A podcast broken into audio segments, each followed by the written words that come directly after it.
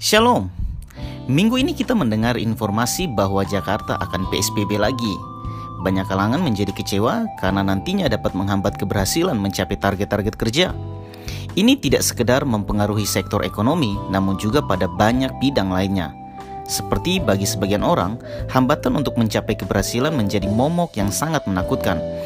Sehingga saat tak mencapainya, kerja yang lebih keras diusahakannya, bahkan tak segan mengambil jalan pintas, hingga rela bertindak membenarkan aturan yang salah, dan tak segan pula bersikap menyalahkan orang lain. Teringat akan kisah godaan pertama iblis kepada Yesus. Iblis berkata, "Jika engkau anak Allah, perintahkanlah supaya batu-batu ini menjadi roti." Kenyataannya pada waktu itu Yesus memang belum melakukan apa-apa selama 30 tahun. Dia belum memulai pelayanannya. Tidak ada yang percaya kepada dia dan sekarang ia dalam keadaan lapar dan lemah. Sumbangsi apa yang telah Yesus berikan kepada dunia? Tanpa disadari memang budaya kita membentuk kita dengan cara demikian. Lingkungan mempertanyakan dan menuntut hal itu selalu. Apa yang telah engkau capai? Apakah engkau telah menunjukkan kebergunaanmu? Apa yang sudah engkau lakukan? Sehingga kita merasa berguna jika kita sudah mendapat serangkaian keberhasilan.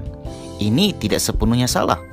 Yang menjadi masalah adalah saat nilai hidup seseorang hanya bergantung pada pencapaian prestasi, hingga merasa tak berdaya dan tak dikasihi saat tidak mencapai keberhasilan.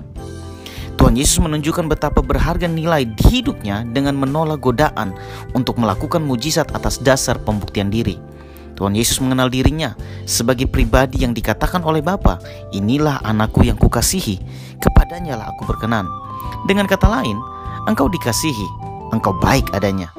Berada di dalam kasih memampukan kita untuk berserah kepada kehendak Allah, terutama ketika itu bertentangan dengan apa yang bisa kita lihat atau rasakan. Hanya kasih Allah dalam Kristuslah yang mampu menanggung beban dari identitas kita yang sebenarnya. Tuhan Yesus memberkati.